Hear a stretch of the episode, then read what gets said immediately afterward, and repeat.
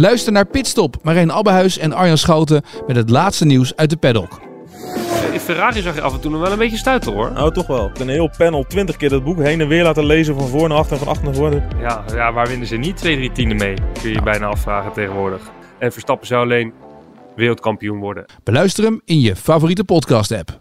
Dit programma wordt mede mogelijk gemaakt door Toto.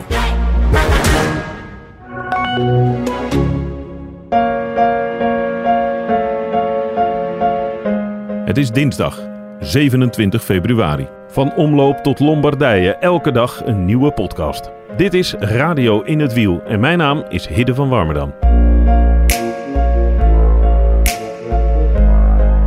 Met vandaag de waaierfetish van Thijs Zonneveld.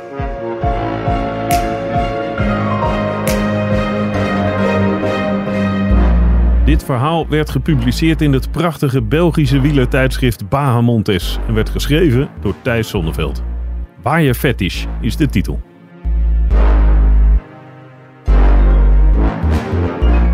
Er stond die dag niet eens zoveel wind. Een briesje was het.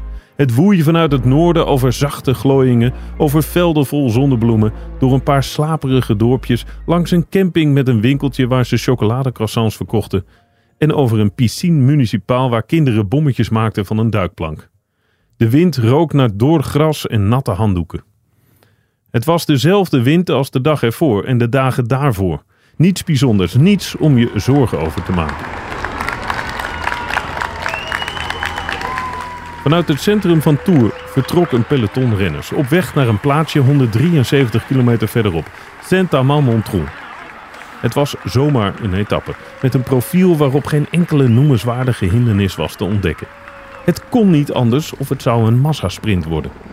Voor de renners was het een dag om bij te praten met collega's in de staart van het peloton. Voor de kijkers thuis een kans om een dutje te doen, de hond uit te laten en het tuinhekje te verven. Er zou niets gebeuren. Wel. De dertiende etappe van de Tour van 2013 was amper een uurtje onderweg toen de vorm van het peloton van het ene op het andere moment veranderde.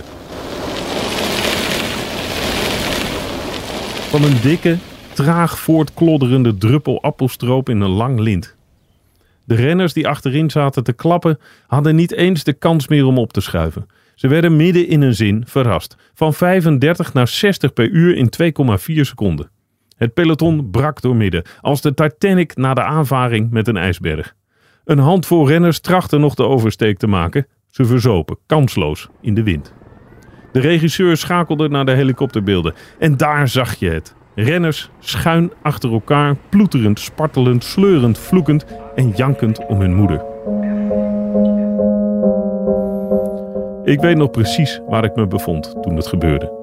Ik stond op mijn klapstoeltje in een aftandse perszaal en schreeuwde: Waaiers!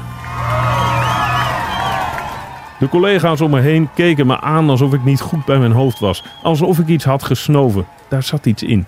Ik ben namelijk een junk. Een waaierjunk. Als er ook maar een heel, heel klein kansje op waaiers is, zit ik de hele dag op het puntje van mijn stoel. Voor elke koers check ik de windrichtingen en zoek ik op Google Maps naar open stukken. Ik ben geabonneerd op waaier-apps. Ik brand kaarsjes voor wind in de zij en ik huil als een klein kind als het peloton uiteenvalt in waaiers voordat de uitzending is begonnen. Waarom? Dat weet ik niet precies. Vanwege de schoonheid van die schuine lijnen misschien. Vanwege de paniek op de gezichten van de renners. Wellicht ook vanwege de onvoorspelbaarheid. Een saaie, vlakke etappe kan zomaar ineens veranderen in een slagveld. Het is alsof je naar het buurtcentrum Het Fluitenkruid gaat voor een optreden van de schoolband van je achternichtje en dan Jimi Hendrix op het podium ziet stappen. In de Tour gebeurt het zelden, bijna nooit eigenlijk. Maar als het gebeurt, is het des te memorabeler. Zoals die ene keer in 2013.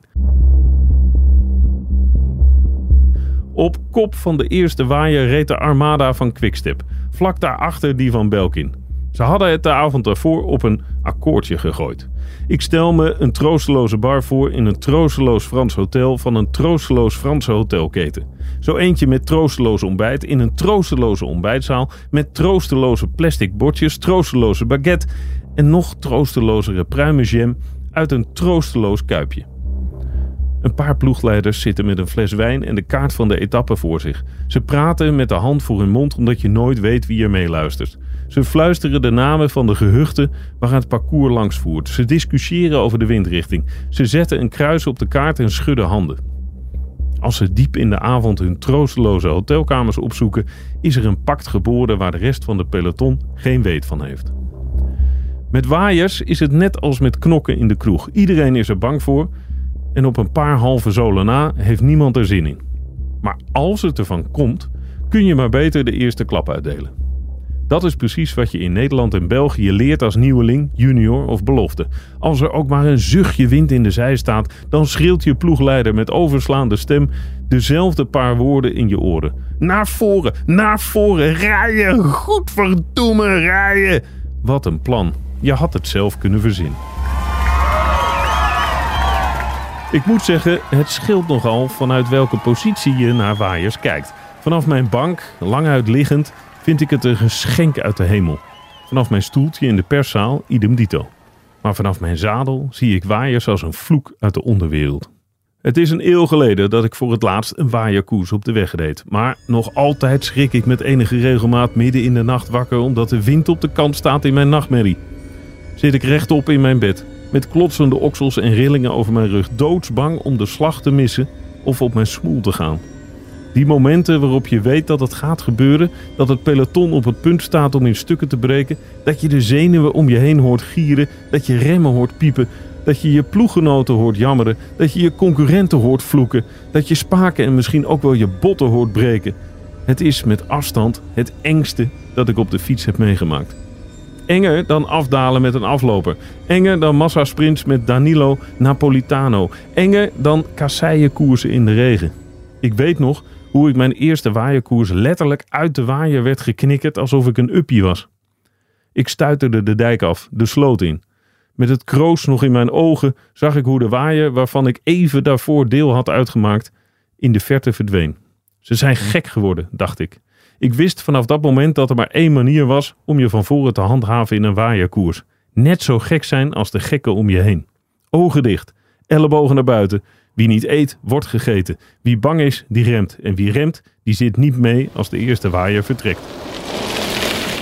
Er zijn renners die nooit een waaier missen of misten.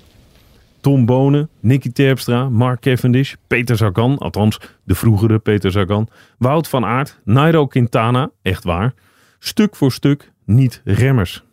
Renners die een knuppel en een bazooka in hun achterzakje steken als er zijwind wordt voorspeld. Ik heb Terpstra wel eens horen praten voor een waaierkoers. Hij zat binnen in de ploegbus, ik stond buiten, maar ik kon hem binnen horen orakelen over wind en waaiers. Hij klonk als een drill sergeant uit een Amerikaanse film. Met overslaande stem naaide hij iedereen op. Hij vloekte, hij tierde, hij sleepte messen. Toen hij en zijn ploegenoten naar buiten kwamen, keken ze zo woest dat niemand ze aan durfde te kijken. Een kudde Neandertalers op oorlogspad. Het jongetje dat al een half uur had staan wachten voor een handtekening barstte spontaan in huilen uit. Terug naar die toeretappe naar Saint-Amand-Montrol. Het had kunnen stilvallen na een kilometer of tien op de kant. Dat gebeurde niet, omdat de geest niet meer terug in de fles te persen was. Maar misschien nog wel meer omdat Alejandro Valverde zijn derieur naar de vaantjes reed. Heel, heel even moest hij van de fiets. Een klein legioen Spaanse knechten wachtte op hem. Ze reden hun ziel uit hun lijf om hem weer terug te brengen. Het was te vergeefs. Vooraan hadden ze in de gaten dat ze de nummer 2 van het klassement konden elimineren. Valverde zou na de finish een jankverhaal ophangen. Het was niet eerlijk dat ze doorreden toen hij pech kreeg. Boehoehoe. Toen Bauke Mollema dat ter oren kreeg, zei hij droogjes: Valverde is de laatste die mag klagen over eerlijkheid. Amen. Tien minuten verloor Valverde die dag. En hij was niet de enige, want het hield niet op van voren. De ene ploeg was nog niet klaar met aanvallen of de volgende nam alweer over. Froome, Contador, Sagan, ze koersten alsof ze junioren waren. Alsof er geen morgen bestond. Alsof ze door de moeren reden met windkracht 8. Overal reden plukjes renners. Groepen en groepjes, trio's, duo's, eenlingen. Het zou me niet verbazen als er een paar renners van Euskaltel zo ver achterop raakten dat ze nog steeds onderweg zijn. Nog voor de finale begon was ik al high. Ik zweefde als een roze wolk boven mijn stoel. Ik hallucineerde dat Chris Froome in zijn gele trui moest afhaken. En besefte daarna dat het echt gebeurde. Cavendish won. Zijn enige toerzegen die hij niet in een massasprint behaalde. Wel geteld zeven renners finishten in dezelfde tijd. De rest druppelde daarna één voor één binnen. Hoofdschuddend, uitgewoond. Het was een natte droom. Het was kunst. Het was de mooiste toeretappe van de laatste decennia. Nog steeds kijk ik hem minstens drie keer per jaar terug. In zijn geheel. Meestal s'nachts of s avonds laat als mijn kinderen slapen en niemand me meer belt of appt. Vorige week kwam mijn vrouw midden in de nacht naar beneden toen ik lang uit op de bank lag te kijken naar het waaierfestijn. Wat ben je in godsnaam aan het doen? vroeg ze. Ik wees naar de tv en zei: De dertiende etappe van de Tour van 2013 aan het kijken. Moet je zien, Valverde is gelost. Ze zuchtte, draaide zich om en liep zonder iets te zeggen terug naar boven. Ik bleef alleen achter. In het hoekje van het beeld stond dat er nog 77,6 kilometer te gaan waren. Ik wentelde mezelf in mijn verslaving als een varken in de modder. Ik ben een waaierfetischist. En ik ben er trots op.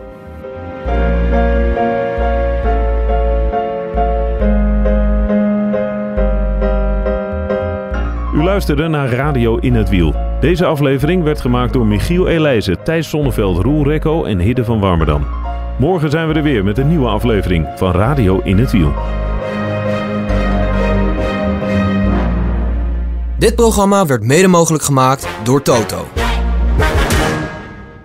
Luister naar de AD Voetbalpodcast. De dagelijkse podcast voor alle voetballiefhebbers.